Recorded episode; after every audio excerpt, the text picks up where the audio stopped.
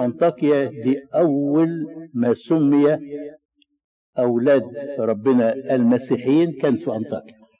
بيقول القديس لوقا في الإصحاح ال 11 ودعي التلاميذ مسيحيين في أنطاكيا أولا. وبيقول القديس لوقا وبينما هم يخدمون الرب ويصومون قال الروح القدس افرزوا لي برنابا وشاول العمل الذي دعوتهما إليه. فصاموا حينئذ وصلوا ووضعوا عليهم الأيادي ثم أطلقوهم. بيقدم لنا القديس لؤى طقس أول رسالة في الكنيسة أو طقس السيامة الكنسية. كانت أولا الدعوة من الروح القدس بعد صوم وصلاة ثم وضع اليد لدعوة الروح القدس أن يعطي موهبة الكهنوت للذين وضعت عليهم الأيدي. الصوم مهم للخادم. كعلامة حية لانشغال الخادم بالطعام السماوي عن الطعام الأرضي ولذا لما بيترسم السيس بيصوم 40 يوم قبل ما يبتدي خدمته ولما بيترسم أسقف بيصوم سنة. في الخريطة لرحلة القديس بولس الرسول الأولى معاكم الخريطة سمحتوا تفتحوها في خريطتين واحدة بالأرقام واحدة من غير أرقام زي ما موجودة على السكرين. الرحلة الأولى. بدت رحلة بولس الرسول التبشيرية الأولى حوالي سنة 47 ميلادية. وكان معاه برنابة ومرقس إحنا قلنا المرة اللي فاتت إنه برنابة خال مرقس لأنه في رسالة معلمنا بولس الرسول إلى أهل كولوسي بيقول في الإصحاح الرابع يسلم عليكم ارسترخس المأسور معي ومرقس ابن أخت برنابة. مرقس طلع معاهم وجه عند بلد اسمها بيرجا زي ما هنعرف دلوقتي ورجع. نبتدي الرحلة من الأول والخريطة الموجودة عليها أرقام في خريطة منهم موجود عليها أرقام مع خط سير الرحلة في رقم واحد اثنين ثلاثة التوقفات اللي فيها. معاكم؟ خدتوا بالكم منها؟ هقول الرقم وإحنا قاعدين بنتكلم. بدت الرحلة من أنطاكيا اللي هي رقم واحد عندكم. وتوجهوا إلى ميناء سلوكية على البحر الأبيض اللي هو رقم اثنين ومنها سافروا في البحر إلى قبرص. وصلوا في قبرص إلى سلاميس اللي هي نمرة ثلاثة دي على الساحل الشرقي لقبرص. وهناك ابتدوا يبشروا وينادوا بكلمة الله في وسط المجامع اليهودية. بعد كده عبروا جزيرة قبرص من الشرق للأقصى الغرب. لبافوس. بافوس دي موجودة في أقصى الغرب. نمرة أربعة. متابعين الأرقام معايا؟ اللي, اللي مش واخد باله منها يقول عشان نبقى أيوه لا مش في دي في الخريطة دي. آه. ما في خريطتين لكل رحلة. في إيدكم خريطتين لكل رحلة. واحدة عليها أرقام واحدة مش عليها أرقام لكن نفس الرحلة. الرحلة الأولى في نمرة أربعة. إحنا وصلنا دلوقتي لغاية بافوس في نمرة أربعة. أنت تمشي مع خط الرحلة زي ما هو مرسوم. امشي مع خط الرحلة زي ما هو مرسوم. في بافوس كان في والي اسمه سيرجيوس بولس وكان راجل عنده فهم ويعني متفهم فدعا بولس وبرنابا والتمس إنه يسمع منهم كلمة ربنا. في الوقت ده كان في ساحر مخادع اسمه بيدعي علم الغيب اسمه بار يسوع أو بيسموه عليم الساحر. وده كان داخل في زوارق الوالي وبيديله انطباع إن هو ملم بالمعرفة وبيتنبأ وحاجات زي كده. فلما سمع الوالي بكلام بولس واهتم بيه عليم الساحر خاف على مركزه فحب يفسد على بولس وبرنابا عند الوالي. بيقول القديس لؤى وأما شاول الذي هو بولس أيضا فامتلأ من الروح القدس وشخص إليه إلى عليم الساحر يعني. وقال أيها الممتلئ كل غش وكل خبث. يا ابن إبليس يا عدو كل بر. ألا تزال تفسد سبل الله المستقيمة؟ فالآن هوذا يد الرب عليك فتكون أعمى لا تبصر الشمس إلى حين. ففي الحال سقط عليه ضباب وظلمة فجعل يدور ملتمسا من يقوده بيده. هنا نلاحظ في ثلاث حاجات. القديس لؤى بيقول فأما شاول الذي هو بولس أول مرة نسمع أن شاول بقى بولس. في أسماء كثيرة اتغيرت سواء في العهد القديم أو في العهد الجديد زي إبراهيم كان في الأول كان اسمه إبراهام وسراي بقت سارة ويعقوب بقى إسرائيل وسمعان بقى بطرس ويوحنا بقى مرقس وهكذا. وأصبح شاول دلوقتي بولس. أعتقد إن هو اللي سمى نفسه بولس. لأن كلمة بولس دي أصلها كلمة يونانية اسمها باولوس ومعناها الصغير أو الضئيل أو الضعيف. وهو نفسه بولس الرسول بيقول على نفسه في رسالته الأولى إلى أهل كورنثوس لأني أصغر الرسل أنا الذي لست أهلا أن أدعى رسولا. فأعتقد إن هو اللي سمى نفسه الاسم ده بالتواضع بتاعه. النقطة الثانية دعوة بولس الرسول على عليم الساحر بالعمى ما كانش انتقام لكن كانت طريقة لشفائه. هنشوف يعني دلوقتي أراد إن هو يحوله إلى الإيمان بأنه يرى قوة الله وعمله الملموس مش بينتقم منه ما قالوش روح هتبقى أعمى. لكن قال له هوذا الرب ليد يد الرب عليك. بيأدبه بيأدبه علشان يتوبه من الملفت إنه القديس لقى وهو بيكتب القصة دي آه، زي ما بيقولوا الصنعه بتحبك. مش قادر ينسى إن هو طبيب. أنتوا عارفين انه لقى كان طبيب. فبيكتبها بلغة طبية. بشخص الحالة دي بانها انفصال شبكي. بيقول ففي الحال سقط عليه ضباب وظلمة يعني إنه شبكة العين شبكية العين أصبحت لا تستقبل الضوء المنعكس عليها النقطة الثالثة في هذا الموقف إنه بيأكد أن الله بيستعمل المعجزات ليؤمن به الناس. مش شو مش عرض مبهر. لابد ليه سبب. المعجزات ليها سبب مش مجرد عرض مبهر. بيقول القديس لوقا في السفر حينئذ لما رأى ما جرى آمن مندهشا من تعليم الرب.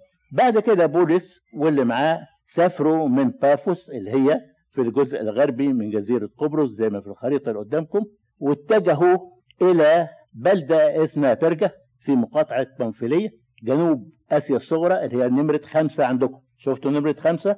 هناك في البلد دي مرض القديس مرقس يقال إن هو جات له ملاريا ورجع أورشليم سابهم ورجع أورشليم. وبعض المفسرين بيقولوا إنه برضه القديس بولس جات له ملاريا وكل ما يتعالج منها بترجع له تاني. وإن هي دي الشوكة اللي في الجسد اللي اتكلم عنها. والبعض الآخر بيقول لك لا ده شوكه في الجسد دي كان قرحه والبعض بيقولوا لا دي كان ضعف النظر. يعني المهم إنه بولس وبرنابا اجتازوا أنطاكيا اللي هي نمرة ستة. أنطاكيا نمرة ستة غير أنطاكيا اللي هم بدوا منها. خلوا بالكم أنطاكيا اللي بدوا منها دي اللي في آسيا صغرى في الخريطة هنا على اليمين. لكن أنطاكيا اللي بنتكلم عنها دلوقتي دي فوق اللي هي نمرة ستة. بشروا هناك وأثمرت كلمة الرب لكن اليهود غاروا وأثاروا عليهم الناس وطردوهم خارج المدينة في مدينة اسمها أيقونية اللي هي نمرة سبعة عندكم. في أيقونية بشروا لغاية لما المقاومين للكلمة خططوا للهجوم عليهم ورجموهم فهربوا إلى بلد اسمها ليكاونية لسترا ودربة والبلاد المحيطة بهم اللي هو نمرة 8 و9 عندكم. في لكأونية لسترا شاف الرب على يد بولس راجل كان عاجز من بطن أمه يعني مولود عاجز. فالناس أول ما شافوا المعجزة ذهلوا وقالوا إنه الآلهة تشبهت بالبشر ونزلت. افتكروهم آلهة تشبهوا بالبشر لأنه في نظرهم ما حدش يقدر يشفي واحد عاجز إلا لما يكون الآلهة بتاعته وابتدوا عايزين يجيبوا ذبائح ويذبحوها قدامهم بصفتهم هم الآلهة. وسموا برنبة زفس أو زيوس وبولس سموه هرمس أسامي الآلهة اللي عندهم. زفس ده كبير الآلهة عندهم أو زي ما بعضهم بيسموه جوبيتر.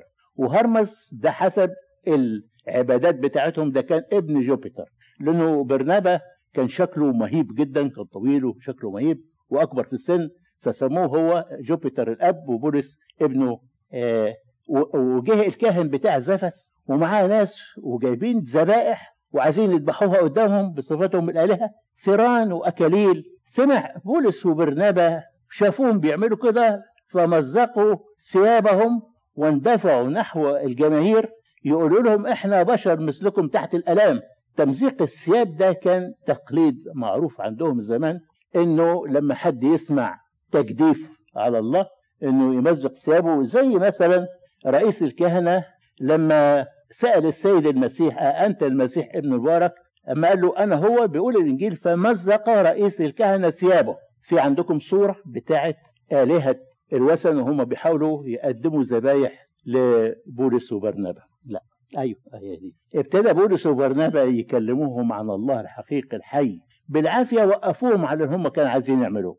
اليهود المخالفين برضهم ورا بولس ورا برنابا جم وراهم من أنطاكيا وأيقونية وابتدى يهيجوا الناس عليهم فبدل ما كانوا فاكرينهم آلهة لما قالوا لهم لا إحنا مش آلهة اليهود هيجوهم فأحاطوا بيهم وابتدوا إن هم يحاولوا إنهم يرجموهم. هربوا منهم وابتدوا يبشروا بعيد عنهم وابتدوا يكونوا أو يأسسوا كنايس ورسموا في كل مكان بشروا فيه أسس ورجعوا لأنطاكيا الأولانية اللي هي على اليمين هنا لأنه كان أنطاكيا هي مركز الخدمة بتاعت القديس بولس. دي الرحلة التبشيرية الأولى ودي استمرت سنتين من سنة 47 لغاية سنة 49 في الوقت ده حصل خلاف سنتين من 47 ميلادية ل 49 ميلادية. في الوقت ده حصل خلاف أثاروا اليهود الفارسيين اللي بقوا مسيحيين. قالوا إنه لازم الأمم اللي هم الغير اليهود عشان يبقوا مسيحيين لازم في الأول يتهودوا بعد كده يبقوا مسيحيين. يعني لازم يمروا على مرحلة التهود.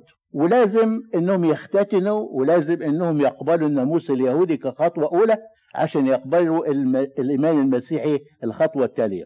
المؤمنين اللي على رأسهم بولس رفضوا هذا الفكر. وفي بعض في أورشليم قبلوا هذا الفكر. فرتبوا إنهم لازم يقعدوا ويعملوا مجمع يتبحثوا فيه في هذا الموضوع. فطلع برنابا وبولس وناس آخرين بعض مشايخ الكنيسة إلى أورشليم علشان خاطر يتبحثوا في هذه المشكلة. دي كانت الزيارة الكام لبولس لأورشليم. نعملها سؤال ثالثه أول واحدة بعد ما ظهر الرب لبولس بثلاث سنين وخدم في العربية وانتهت بهروبه من دمشق ونجاته من المؤامرة اللي كانوا مدبرينها له ونزلوه من السور بالزنبيل وجه لأورشليم. دي الإيه؟ الأولى. وحتى لما جاء أورشليم كان الرسل والمسيحيين خايفين منه عشان سمعته اللي كانت في الأول. دي الكلام ده كان في الإصحاح تسعه الزيارة الثانية كانت لما جه أورشليم مع بعثة لتقديم معونة لفقراء أورشليم في المجاعة في الضيقة اللي حصلت. الثالثه دي اللي إحنا بنتكلم عنها. يبقى دي الزياره الثالثه بولس الرسول شعر إنه الموضوع أخذ أكتر من حده في الحوار أو الخلاف ما بين لازم المؤمنين الجدد من الأمم يتهودوا الأول ولا لا. فانعقد في أورشليم أول مجمع في تاريخ الكنيسة واتكلم فيه القديسين بولس وبرنابا في الأول عن عمل الله المفرح ما بين الأمم ثم تباحث المجتمعين في الموضوع. كقاعدة مسيحية أي حوار حول أي خلاف بيحصل في الكنيسة لازم يكون له ثلاث شروط. الاحترام المحبة الاتضاع. لو خرج الحوار لازم بيحصل في خلاف في الرأي ممكن بيحصل. لكن ينبغي أن يكون الحوار بالاحترام بالمحبة بالاتضاع. بعد ما تباحثوا مباحثات كثيرة اقتنعوا برأي القديس بولس والقديس برنابا فاختاروا رجلين متقدمين في الإخوة متقدمين في حياتهم الروحية يعني يهوذا الملقب برسابا وسيلة وأرسلوهم لأنطاكيا مع بولس وبرنابا يبلغوهم قرارات المجمع اللي تمت بإرشاد الروح القدس. إنه محدش يفرض على اللي قبلوا الإيمان التهود أولا. فقط أن يمتنعوا عما ذبح للأصنام وعن الدم والمخنوق والزنا. رجع برسابة إلى أورشليم لكن سيلا رأى إن هو يستمر هناك. أما بولس وبرنابا فقعدوا في أنطاكيا يعلموا ويبشروا مع آخرين وأمن كثيرون بكلمة ربنا. جه قديس بولس قال لبرنابا قال لنرجع ونفتقد إخوتنا في كل مدينة نادينا فيها بكلمة الرب. كيف هم؟ فاقترح برنابا أن ياخدوا معاهم مرقس زي المرة الأولانية. لكن بولس كان يستحسن إنه اللي سابهم في نص السكة ورجع ما ياخدوش معاه في الترجمة العربي في كتاب المقدس طبعة بيروت أو ترجمة دار الكتاب المقدس العربي اللي هو في ايدنا أو المتاح لنا مكتوب فحصل بينهم مشاجرة حتى فرق أحدهم والاخر اللي يسمع انه حصل بينهم مشاجرة يفتكر إنهم اتخانقوا ومسكوا في هدوم بعض. ترجمة مش سليمة. حتى في الإنجليزي بيقول disagreement خلاف وجهات النظر. والخلاف في الرأي زي ما بيقولوا لا يفسد للود قضية. خلاف وجهة النظر. إن كل الناس بتختلف. ده الراجل هو مراته بيختلف مش مشكلة. بس بتتحل. الترجمة مش سليمة. كفكرة عابرة سريعة الترجمه اللي اتعملت دي عملها اتنين مرسلين أمريكان. واحد اسمه إيلي سميث ولما توفى تولاها بعده واحد اسمه كيرنيليوس فان دايك. عشان كده الترجمة دي بتسمى ترجمة فان دايك. واستعانوا بأربعة لبنانيين يساعدوهم في الترجمة ما كانوش على المستوى الكافي في فن الترجمة. فيعني استعملوا بعض الألفاظ اللي مش مستعملة أصلا. أو المحليه اللي بتستعمل في منطقة الشام بس أو زي الترجمة دي لما قال حصل خلاف في الرأي قال المشاجرة. يعني ما كانش ترجمة فيها دقة. للعلم واحد منهم الأربعة دول كان اسمه الشيخ يوسف الأسير ده كان مسلم وأزهري. كان جايبينه عشان يضبط اللغة يعني. فلما يجي واحد مسلم أزهري يترجمها ويقول حصلت بينهم مشاجرة بالنسبة له بالنسبة لفهيمه مش مشكلة. ما ممكن يحصل إنه فيها قطع الأرقام وقطع الأرجل من من من خلاف. مش مشكلة عنده. فلما ترجمها كده هو بيترجمها بما فهمه. على فكرة دار الكتاب المقدس بتفكر في إعادة ترجمة الطبعه العربية لأن فيها كلام كتير صعب. أنا عندي كتاب اسمه تفسير معاني الكلمات الصعبة في الكتاب المقدس. حوالي ألف كلمة. ألف كلمة. عايزة تفسير. يعني لما يجي يقول ينقون خارج الصحفة الصحفة هي إيه الطبع طب قول طبع قول صح. يعني ويقول لك خارج الكورة خارج خارج الكورة. ولسفر إلى كورة بعيد. كورة يعني قرية. طب قول قرية. يعني اللغة العربية فيها كلمات كبيرة. يعني لو واحد مثلا أنا كنت واقف مع واحد ومشي وجي واحد بيسألني عنه. ممكن أقول له ذهب. ممكن أقول له غادر. ممكن أقول له انصرف. وممكن أقول له إفرنقع. دي كلمة عربية فصيحة. إفرنقع. دي كلمة عربية فصيحة معناتها انصرف. فلما أقول له افرنقع يعني يعني المهم في آخر الإصحاح ال 15 ابتدى بولس الرسول رحلته التبشيرية الثانية وكان بيرافقه سيلا فاجتازوا في سوريا نمرة اثنين عندكم في الخريطة الرحلة الثانية موجودة هل عندكم اللي عليها أرقام؟ لأن الوزاحه بيتر دي ما عليهاش أرقام. طبعا معلش مش مهم. أنا هقول بلاد وأنتوا لو تمشوا مع خط الرحلة المرسوم على الخريطة هتلاقوا البلاد بالترتيب اللي أنا هقوله. موجودة؟ طيب. سواء في الخريطة دي أو في الخريطة دي نتابع خط سير الرحلة المرسوم. هنلاقي البلاد بالترتيب زي ما إحنا هنتكلم دلوقتي. اجتازوا في سوريا ووصلوا لكوليكية نمرة ثلاثة وبعد كده ديربة نمرة أربعة ليسترا خمسة وفي ليسترا قابل شاب اسمه تيموساوس تيموساوس ده كان أبوه يوناني يعني أممي وأمه وجدته كانوا يهود مؤمنين محبين لربنا مباركين وربوه وأدبوه اللي هم مين؟ لوئيس وأفنيك القديس بولس توسم في إمكانية العمل الروحي فتبناه واهتم بتعليمه وتربيته وتوجهوا إلى فريجية وبعد كده لغلاطيا وليميسية اللي هي ستة سبعة ثمانية تسعة إلى ترواس تسعة ترواس دي على ساحل بحر إيجا بحر إيجا هو البحر ما بين آسيا الصغرى أي تركيا دلوقتي واليونان. في ترواس اللي هي على ساحل بحر إيجا من الناحية الشرقية. ظهر لبولس الرسول رؤية في الليل راجل مكدوني من مكدونيا أو مسدونية في شمال اليونان. بيقول لبولس أعبر إلى مكدونية وأعنا فاعتبر إنه ده صوت من ربنا وتوجهوا إلى ميناء اللي ممكن يسافروا منه على ساحل آسيا الصغرى. اسمه ساموثراكي وأخذوا مركب وعدوا بيها بحر إيجا لغاية نيابوليس. نيابوليس دلوقتي اسمها كافالا أو أو كافالا اللي هي ترجموها بالعربي قولة اللي منها محمد علي باشا ولي مصر وبعد كده توجهوا إلى فيليبي. فيليبي هتلاقوها فوق شوية. فيليبي دي بناها الإمبراطور فيليب الثاني عشان كده سموه باسمه فيليبي يعني مدينة فيليب. هناك اعتمدت ليديا بائعة الأرجوان. ليديا دي أصلا من بلد اسمها ثياتيرا اللي هي وردت في سفر الرؤيا. وبولس الرسول أخرج الروح الشريرة من جارية كان عليها روح عرافة وكان الناس أو بعض المهتمين بها أو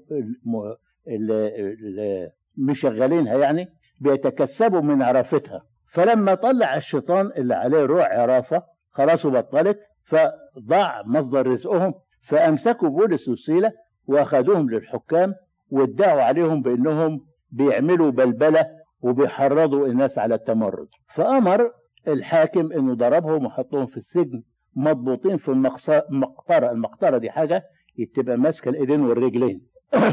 بولس وسيلة في السجن وفي المقطرة المقطرة دي ايديه ورجليه في المقطرة ما يقدرش ينام يعني واقف كده ليل نهار. كانوا هم في عز هذا الوضع بيعملوا إيه؟ بيقول كانوا بيصلوا ويسبحوا الله. فحدث فجأة زلزلة عظيمة وانفتحت أبواب السجن وسقطت السلاسل اللي كانوا متأيدين بيها. حافظ السجن يعني زي مأمور السجن افتكر إنه المساجين هربوا وهيدخل في مسؤولية فحاول إنه ينتحر. دي كانت آه، النظام زمان إنه اللي يهمل في مسؤوليته ما ينتظرش لما يحكموه هو ينتحر. كان يحط سيفه في الأرض ويرمي نفسه. ف لكن بولس منعه. قال له ما تخافش إحنا هنا. وكان ده السبب في إنه الحارس هو وأهل بيته يقبلوا الإيمان. وصل القديسين بولس وسيله إلى سالونيكي. شايفينها؟ وأنفيبوليس وأبولونيا اللي هو 13 و14 سالونيكي ده اسم أخت الإسكندر الأكبر وسموا البلد على على اسمها. كان أخت الإسكندر اسمها سالونيكي. هناك أمن عدد كبير فغار اليهود غير المؤمنين وهجموا على بيت واحد اسمه ياسون اللي كان مقيمين فيه بولس وبرنابا. ياسون دي كلمة يونانية معناتها يشوع. والإخوة هربوهم بالليل لبلد اسمها بيريا ولما ابتدوا يبشروا هناك آمن كثيرون من اليهود. لكن بتوع سالونيكي اليهود المشاغبين الكارهين ليهم جم وراهم عشان يهيجوا الشعب. فالإخوة عملوا حركة تمويه. أخذوا بولس للبحر كأنه هيسافر عن طريق البحر ومن هناك هربوه سرا لأثينا أثينا أو أتينا كانت أعظم المدن في ذلك الزمن مركز الفلسفة والفلاسفة وكانت مليانة بالمعابد الضخمة جدا لعبادة الأوثان. بولس هو بيتجوز بيتجول في أتينا وشاف معابد ضخمة لآلهة الأوثان مهتمين بيها قوي. بيقول فاحتدت روح بولس بداخله وكان يكلم في المجمع اليهودي والذين يقابلونه في السوق كل يوم. سمع فلاسفة أتينا. فلاسفة أتينا دول الظاهر ما كانش وراهم حاجة. كانوا طول النهار قاعدين قدام المعابد دي ويتناقشوا. واحد يقول فكرة والتاني يحاول إن هو يقول عليها إنها غلط. وبعد كده يغيروا إنه ده ياخد الفكرة اللي كان بي بي بيفندها والتانيين ما راهمش حاجة فاضيين. فلما سمعوا الفلاسفة دول إنه بولس بيتكلم على إله جديد وعبادة جديدة فرصة إنهم يقعدوا يسمعوه ويناقشوه. وهم ما وراهمش حاجة. البعض قال ترى ماذا يريد هذا المهزار؟ والبعض قال يظهر أنه منادي بآلهة غريبة. فأخذوه وراحوا به إلى أكبر معبد موجود هناك اللي هو معبد أريوس باغوس. كان أريوس باغوس ده كان مع أنه معبد ولكن كان أشبه زي بدار البلدية يعني يعني البلدية بتاعت المدينة. وفيه مسرح وفيه مدرج علشان يقعدوا يتناقشوا فيه ويحاكموا فيه من ينكر الآلهة بتاعته وابتدوا يناقشوا بولس الرسول فوقف بولس الرسول بينهم وابتدى يكلم أيها الرجال الآسينيون من حكمته ما يقولش يلي بتعبدوا الأصنام اللي ما بتفهمش والأصنام الميتة. شوفوا الحكمة بتاعته. بيقول أيها الرجال الأسينيون أراكم من كل وجه كأنكم متدينون كثيرا. لأني بينما كنت أجتاز أنظر إلى معبوداتكم وجدت أيضا مذبحا مكتوب عليه الإله مجهول فالذي تتقونه وأنتم تجهلونه هذا أنادي لكم به. شوف دخلهم إزاي. وابتدى يكلمهم عن الإله اللي خلق العالم وكل ما فيه لغاية لما كلمهم عن السيد المسيح وقيامته من الأموات. هم سمعوا الكلمة دي والبعض ابتدى يستهزئ به والبعض قالوا سنسمع منك عن هذا أيضا. يعني تعالى بكرة اتكلمنا تاني بيتسلوا. لو نفتكر إنه القديس بطرس في يوم الخمسين وقف واتكلم تقريبا بنفس الكلام اللي قاله بولس الرسول ونفس الوقت لكن في فرق بين القلوب الجيدة التربة الجيدة اللي بتقبل الكلمة والقلوب المتحجرة. القلوب الجيدة لما سمعوا كلمة بطرس بيقول الكتاب فلما سمعوا نخسوا في قلوبهم وقالوا لبطرس ولسائل الرسل ماذا نصنع أيها الرجال الأخوة؟ وبيقول الكتاب وقبلوا كلامه بفرح واعتمدوا وانضم في ذلك اليوم نحو ثلاثة ألاف نفس. أما القلوب المتحجرة في أريوس باغس استهزأوا, استهزأوا بالكلمة. فضاعت منهم فرصة الخلاص. لم يقبل الكلمة إلا قلائل حددهم سفر أعمال الرسل وقال منهم ديونيسيوس الأريوباغي وامرأة اسمها دامارس. على فكرة ديونيسيوس الأريوباغي ده صار فيما بعد أسقف على أثينا. انطلق بولس الرسول من أثينا معقل الفلسفة إلى كورنثوس. كانت أثينا معقل الفلسفة وكورنثوس هي معقل أو المركز التجاري. في كورنثوس كتب أول رسائله أول رسائله ابتداها في كورنثوس. كتب الرسالتين الأولى والثانية لأهل تسالونيكي وأقام مع راجل يهودي قبل الإيمان اسمه أكيلا وزوجته اسمها بريسكيلا. دول أصلهم كانوا في روما ولما الإمبراطور الروماني كلوديوس طرد اليهود من روما راحوا سالونيكي. وأقام عندهم لأن هم كانوا خيامين يعني بيصنعوا الخيام زي شغلة بولس الرسول. وأقام معاهم عشان يشتغل خيام معاهم علشان يصرف على نفسه. فكان بيشتغل طول الأسبوع يوم السبت والحد يقضيه في الصلاة وفي الكراسة. وفي هذا الوقت جاله من مقدونية سيلا وتيموساوس. ظل القديس بولس يكرز لأيام كثيرة رغم كل المتاعب والاضطهادات اللي قابلها خصوصا من اليهودي اليهود المقاومين للمسيح. لكن ربنا كان بيشجعه وجاله برؤية في الليل وقال له لا تخف بل تكلم ولا تسكت لأني أنا معك ولا يقع بك أحد ليؤذيك لأن لي شعبا كثيرا في هذه المدينة. قعد القديس بولس في كورنثوس حوالي سنة ونص أو سنة وست أشهر حاجة زي كده. ثم قرر إن هو يرحل من كورنثوس إلى أورشليم فودع الإخوة وسافر في البحر إلى سوريا ومعه أكيلا وبرسكيلا وكان تكونت صداقة عميقة معهم. فلما جه مسافر طلبوا منه إنهم يسافروا معاه فأخذهم معاه لغاية في عاصمة آسيا الصغرى اللي هي أفسس وسابهم هناك عشان يخدموا في افسس ومن افسس سافر بولس لقيصرية. قيصرية على البحر الأبيض المتوسط تعتبر ميناء اليهودية لأنه منها يطلع بالبر على أورشليم حيث الكنيسة الأم. بعد ما قعد في أورشليم رجع إلى أنطاكيا. قلنا في الكلام أن أنطاكيا كانت مركز خدمة بولس الرسول. الرحلة الثانية دي اللي إحنا اتكلمنا عنها استمرت ثلاث ثلاث سنين أو أربع سنين يعني هي من سنة 50 لسنة 53 ثلاث سنين. بعد فترة في أنطاكيا بدأ القديس بولس الرسول رحلته التبشيرية الثالثة ودي كانت أطول رحلة تبشيرية ودي بدأها لوحده. الرحلة الأولى بدأها مع مين؟ وبرنابا ومرقس. ومرقس رجع في السكة. الثانية بدأها مع مين؟ سيلا. الثالثة طلع لوحده. بس في السكة قبله قبله ناس زي ما هنشوف دلوقتي. فاجتازوا إلى غلطية نمرة اثنين في الرحلة الثالثة نمرة اثنين وفريجية نمرة ثلاثة وأخذ يشدد جميع التلاميذ في البلاد دي. في الوقت ده بيذكر السفر إنه جه لأفسس أفسس نمرة أربعة عندكم. واحد يهودي اسمه أبولس وده كان راجل مقتدر في الكتب وحر بالروح ويعلم بالتدقيق لكنه كان بيبشر بمعمودية يوحنا. بس ما سمعش عن بعد كده. فأخذوا أكيلا وبرسكيلا وشرحوا له طريق الرب بالتدقيق. فآمن وكان يخدم الرب بكل قوة. بولس الرسول جه أفسس اللي هي زي ما قلت لكم نمرة أربعة وكانت أفسس مدينة عظيمة وكان فيها هيكل ضخم جدا للإلهة ديانا أو أرتميس كان بيسموه كده وبيسموه كده.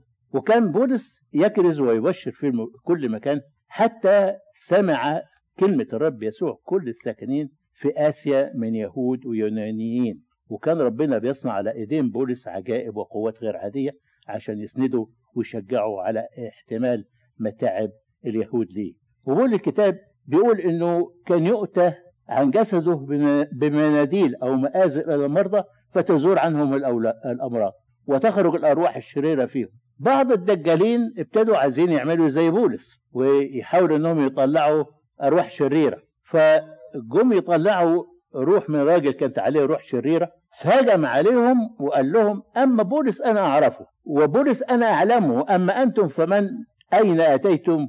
وقوي عليهم حتى هربوا من البيت عراه ومجروحين. وهذا العمل صار اليهود واليونانيين في أفسس يتكلموا به وقف وقع عليهم خوف عظيم. وابتدى كل اللي عنده كتب سحر يحرقها. وكانت كلمة الرب تنمو. لكن عدو الخير ما يسكتش. كان في صايغ اسمه ديمتريوس بيشتغل في صياغة مستلزمات الهياكل خصوصا هيكل أرطميس أو ديانا. لما أصحابه قال لهم شايفين الراجل اللي اسمه بولس ده بيعمل إيه؟ وبيقول إنه دي آلهة بتصنع بالأيادي وهي ليست آلهة. ودي إهانة لأرطميس العظيمة. اللي بيعبدها الناس. وبعد كده ده إذا ابتدى يستمر في كلامه ده الناس هتنصرف علينا مش هنلاقي نشتغل. فهيجوا الأفسوسيين على بولس وقعدوا يهتفوا هتاف مقاوم ليه عظيمة هي أرطميس الأفسوسيين. وصار اضطراب في المدينة وخطفوا بعض رفقاء بولس وطالبوا بإنهم يقتلوا بولس معه. حب بولس إن هو يحديهم ويشرح لهم لكن تلميذه منعوه قالوا له لا أنت هتدخل في وسط مين؟ ده مش يسيبوك حتى تكمل كلمتين على بعض. في وسط الهيجان ده ظهر كاتب المدينة يعني زي سكرتير مجلس المدينة يعني وظيفة كده. واتكلم معاهم بطريقة لبقة وأكد لهم الاحترام الكامل لأرطميس وهداهم وصرفوا من المعتقد بعض المفسرين بيقول من المعتقد إنه كتب رسالته لاهل كورنثوس وهو في المشكلة دي في أفسس لأنه في الإصحاح ال 15 من الرساله بيقول حاربت وحوشا في أفسس إشارة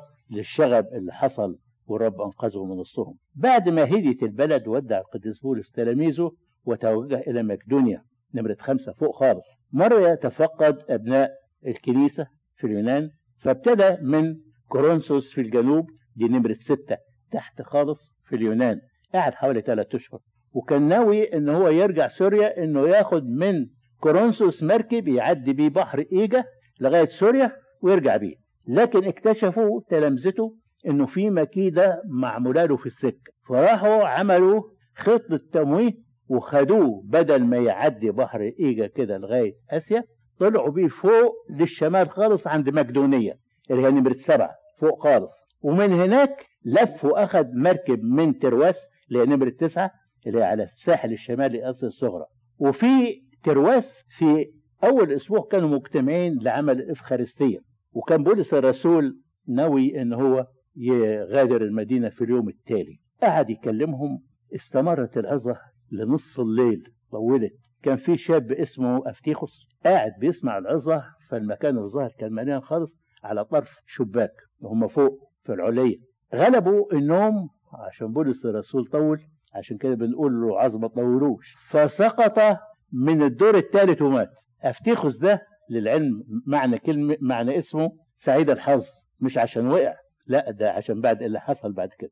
نزل بولس وحضنه وقال لهم لا تضطربوا الآن لأن نفسه فيه. وصعد وكسر الخبز وأكل وتكلم لغاية الفجر وخرجوا وجابوا الولد لقوه حي فتعزوا تعزية كبيرة. سافر بولس الرسول بحذا شاطئ أسيا الصغرى. تشوفوا كده الخط في الخريطة ماشي كده جنبها بأسيا الصغرى لغاية بلد اسمها ميليتوس نمرة 14 ميليتوس دي قريبة خالص من أفسس كان المفروض إنه من ميليتوس يعدي يروح أفسس جنبها على طول وبعد كده يطلع على أورشليم. لكن خاف القديس بولس إنه لما يروح أفسس ده هياخد منه وقت ويعطله وهو كان عايز يوصل أورشليم على يوم الخمسين. ففضل إنه ياخد مركب من ميليتوس على طول لقيصرية زي ما قلنا اللي هي المينا بتاع اليهوديه إلى أورشليم. فراح بعت استدعى قسوس الكنيسة من افسس يجوا يقابلوه في ميليتوس قبل ما يسافر. واجتمع بيهم وكلمهم كلمة وداعية مؤثرة جدا.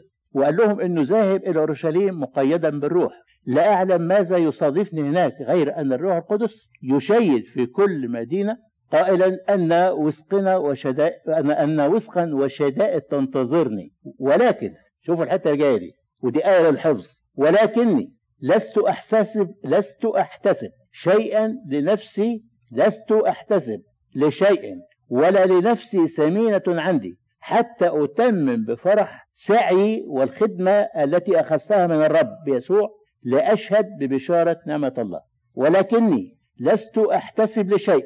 ولا لنفسي ثمينة عندي حتى أتمم بفرح سعي والخدمة التي أخذتها من الرب يسوع لأشهد ببشارة نعمة الله. وقال لهم والآن ها أنا أعلمكم أنكم لا ترون وجهي أيضا. أنتم وجميع الذين مررت الذين مررت بينكم كارزا بملكوت الله. يعني مش هتشوفوني ده. وابتدى يوصيهم احترزوا لأنفسكم ولجميع الرعية التي قامكم الروح القدس فيها أساقفة لترعوا كنيسة الله التي اقتنها بدمه. وقال لهم والآن أستودعكم يا أخوتي لله ولكلمة نعمتي القادر أن تبنيكم وتعطيكم وراثا مع جميع القديسين خدتوا بالكم أنه القديس بولس في الأول بيقول أرسل إلى أفسس واستدعى خصوص الكنيسة. خلي بالكم. وبعد كده بيوصيهم بيقول لهم احترزوا إذا لأنفسكم والجميع الرعية التي أقامها الروح التي أقامكم الروح القدس فيها أساقفة لترعوا كنيسة الله. أسس هم ولا أساقفة ومرة تاني بيسموهم شيوخ. في خلاف في الكلام؟ مفهوش خلاف. لأنه من جهة السن فهم شيوخ ومن جهة دورهم في العمل فهم كهنة الله العلي ما الأسقف كاهن. ومن جهة الرتبة هم أساقف مفيش خلاف. وأوصاهم وصايا روحية. ثم جسى على ركبتيه مع جميعهم وصلى. وكان بكاء عظيم من الجميع. ووقعوا على عنق بولس يقبلونه متوجعين. ولا سيما من الكلمة التي قالها أنهم لن يروا وجهه أيضا ثم شيعوه إلى السفينة. في وقت ناخد إصحاح ولا؟ في الإصحاح ال 21 بيقدم لنا القديس لوقا تكملة عن رحلة بولس الرسول الكرازية الثالثة اللي إحنا بنتكلم فيها. ركز القديس بولس على استخدام الله الأحداث اللي بتبدو مرة من الخارج واللي هتدفع بولس الرسول في نفس الوقت إلى روما عشان يشهد للمسيح هناك في القصر الإمبراطورية. روما عاصمة العالم في ذلك الزمن. لما بولس ودع الكهنة الجم من أفسس زي ما قلنا دلوقتي بيقول القديس لوقا تعبير ولما انفصلنا. التعبير ده يدل على مدى رباط الحب اللي كان ما بين القديس بولس والمؤمنين اللي بشرهم. سافر القديس بولس واللي معاه في مركب بين الجزائر والشواطئ ما بين اليونان وآسيا الصغرى حتى جزيرة رودس. شايفين جزيرة رودس ولا مش شايفينها؟ جزيرة رودس دي ليها شهرة. حد يعرف شهرتها كانت إيه؟ جزيرة رودس دي كان فيها أطول تمثال على ناصية المينا بتاعها. كانوا بيسموه عملاق رودس. بنوه بنوا هذا التمثال تكريما للإله أبولو. كان مصنوع من إيه المادة اللي بيصنعوا منها التماثيل؟ لا معدن. برونز ومتغلف بنحاس. وكان ارتفاعه 50 متر. يعني ارتفاع عمارة من 15 دور كانت مشهورة وده أحد عجائب العالم السبعة. المهم التمثال ده على فكرة قعد 200 سنة في مكانه لغاية لما حصل الزلزال سنة 227 وسقط من الزلزال. المهم من رودس وصل لبترا في اسيا الصغرى وأخذوا مركب لمدينة صور في سوريا. كانت المركب دي لازم تقعد في صور أسبوع عشان تفرغ البضاعة اللي هي شايلها. فانتهزها القديس بولس فرصة وابتدى يفتقد المؤمنين في صور وطلب الإخوة من بولس الرسول إنه ما يروحش أورشليم. كانوا خايفين هيحصل له حاجة هنا وحصل. كانوا خايفين عليه من اليهود. الصور دي بتذكرنا بحاجة. الإخوة المؤمنين الحلوين المتمسكين بكلمة ربنا وبالكروز اللي بيبشرهم. تفتكروا كان السيد المسيح قال إيه عليهم؟ عشان نشوف زي ربنا بيغير الأحوال إزاي. السيد المسيح في مرة قال لهم ويل لك يا بيت صيدا لأنه لو صنعت في صور وصيدا القوات المصنوعة فيكما لا تابتا قديما جالستين في المسوح والرماد ولكن صور وصيدا يكون لهما في يوم الدين حالة أكثر احتمالا مما لكم. لما عمل الروح القدس في السيد المسيح اللي بيقول لهم ما معناه إنكم ده أنتوا مش حالتكم صعبة قوي لما عمل الروح القدس ابتدى يبقى فيها يتكاثر فيها تلاميذ والتصقوا ببولس الرسول ويحبوه حتى إنهم خايفين عليه إن هو يروح أورشليم. بيقول القديس لوقا ولكن لما استكملنا الأيام خرجنا ذاهبين وكل الناس كانوا بيشيعوهم وبيقول كلمة مهمة هنا. بيقول وخرجوا يشيعوننا مع النساء والأولاد إلى خارج المدينة. فجسونا على ركبنا على الشاطئ وصلينا خرجوا مع النساء والأولاد. اولا الركوع للصلاة ده عمل لا يفارق الكنيسة. يمارسه المؤمن أينما وجد. نفتكر إحنا لما كنا بنتكلم على قديس بولس في ميليتس لما استدعى خصوص الكنيسة من إفسس بيقول جسى على ركبتيه مع رجال الكهنوت وصلوا عند توديعه ليهم. الحاجة اللي أنا عايز ألفت النظر ليها إن المؤمنين اللي خرجوا عشان يودعوا بولس أخذوا أولادهم معاهم إلى خارج المدينة قدموا أروع عمل وهو إنهم قدموا لأطفالهم كيف يكون شركاء معهم في الروح وفي الصلاة ومعرفة ربنا. في ذات العمل قدموه بالقدوة خدوهم معاهم بقوا قدوة ليهم في اهتماماتهم الروحية. القدوة قدوة الآباء للأبناء بالسلوك أهم من الوعظ والكلام والتوبيخ والتأديب. القدوة. كملوا السفر بالبحر من صور وتوقفوا يوم واحد في بتولومايس اللي هي دلوقتي اسمها عكا. وكملوا رحلتهم لغاية قيصرية وهناك استضافهم فيلبس المبشر فاكرين فيلبس المبشر؟ قلنا إن فيلبس ده غير فيلبس الرسول. ده أحد التلاميذ السبعة والتفريق بينهم كانوا بيسموه فيلبس المبشر. وكان إنسان غيور جدا وعامل بحرارة شديدة جدا. وأفكركم كمان إن هو اللي بشر خصي وزير كنداكا وعمده وهو اللي بشر في السامرة. وأفكركم كمان إنه كان له أربع بنات عذارى متبتلات يتنبأن بالبركة كله. في الوقت ده جه من اليهودية نبي اسمه أغابوس مسك منطقة بولس يعني هو الحزام بتاعه وربط بيه إيديه ورجليه وتنبأ بأن الرجل الذي له هذه المنطقة اللي هو بولس يعني سيربطه اليهود في أورشليم ويسلموا له ويسلمونه إلى أيدي الأمم. أغابس ده إحنا اتكلمنا عنه قبل في الإصحاح ال 11 لما تنبأ على أنه هتأتي ضيقة عظيمة ومجاعة عظيمة. المؤمنين لما سمعوا نبوة أغابس ترجوا بولس الرسول أنه ما يروحش دمشق. فبولس قال لهم ماذا تفعلون؟ تبكون وتكسرون قلبي لأني مستعد ليس أن أربط فقط بل أن أموت في أورشليم لأجل اسم الرب يسوع. وراحوا أورشليم مع بولس مجموعة من مؤمني قيصرية وكان معاهم واحد اسمه مناسون لأنه مناسون أصله كان له بيت في أورشليم. وهم رايحين زي ما قلنا من شوية دلوقتي في عيد الخمسين وعيد الخمسين بيجوا ناس من كل البلاد يحضروه فبتبقى زحمة جدا ومش سهل يلاقوا مكان يقوموا فيه. فمناسون ده كان له بيت في أورشليم راحوا معاه عشان يقيموا في هذا في أورشليم قبلهم الإخوة بفرح ودخلوا بيت يعقوب قديس يعقوب الرسول. يبدو انه هو الوحيد اللي كان في أورشليم في الوقت ده. كل الرسل كانوا انتشروا عشان يبشروا. وكلمهم عن عمل الرب وإزاي يساعدهم في خدمتهم ما بين الأمم. وحصل حاجة في الوقت ده إنه بعض الناس أشاروا على بولس بيقولوا اليهود بيتهموك بإنك مخالف الناموس ومترقبين ليك. ففي هنا مجموعة من الأمم قبلوا الكلمة خدهم وعليهم نظر. خلي خليهم يوفوه طبقا للشريعة اليهودية. كان زمان في الشريعة اليهودية اللي عليه نظر يسيب خصلة من شعره لمدة 30 يوم لغاية لما يجي ميعاد النظر يحلق شعره. فخدهم وخليهم يعملوا النظر ده ويحلقوا شعرهم عشان يبقوا يمارسوا الطقوس اليهودية عشان يبين لليهود إن هو مش بيعارض أو مش معاند للناموس. وعشان يكسبهم بالتدريج مش بيقول صرت للذين بلا, بلا ناموس كأني بلا ناموس. ومع الذين تحت ناموس المسيح لأربح الذين بلا ناموس يعني مش بينافقهم لكن بياخدهم بالهداوة. لما كملت أيام التطهير المراسها بولس الرسول مع الأربعة دول دخلوا إلى الهيكل.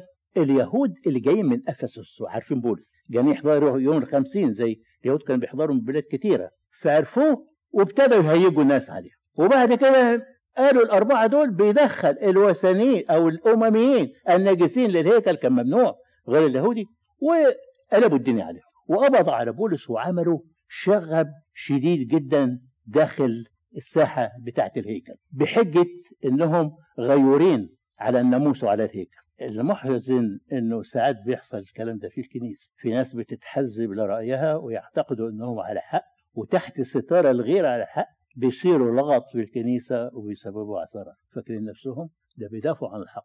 مسكوا اليهود بولس وهيجوا الناس عليه وقالوا إزاي يدخل أمميين دانسين إلى الهيكل وهاجت المدينة كلها ومسكوا بولس وجروه خارج الهيكل علشان يقتلوه. بلغ الخبر ده لأدي... ل... لأمير الكتيبة الرومانية. كان في قلعة جنب الهيكل فيها مركز الجيش المحتل. الرومان كانوا محتلين ساعتها. فأخذ عساكر وقوة دماء وجروا على الهيكل يشوفوا الموضوع ده. ولما هم ماسكين بولس هيموتوه راح أمر العساكر راح خدوه من إيديهم وراح ربطوه بالسلاسل وبعتوا للمعسكر. عشان يحميه منهم لغاية لما يحقق يشوف إيه القصة؟ ما مش عارف. لما قرب بولس ان هو يدخل المعسكر قال للأمير ممكن أقول حاجة؟ أنا راجل يهودي طرسوسي من أهل المدينة غير الدنيه من كليكية والتمس منك أن تأذن لي أن أكلم الشعب. كفاية كده. المره الجايه نكمل عشان أنا طولت عليكم ربنا يبارك الكلمة لمجد اسمه ولها كل كرامة ومجد إلى الأبد. آمين.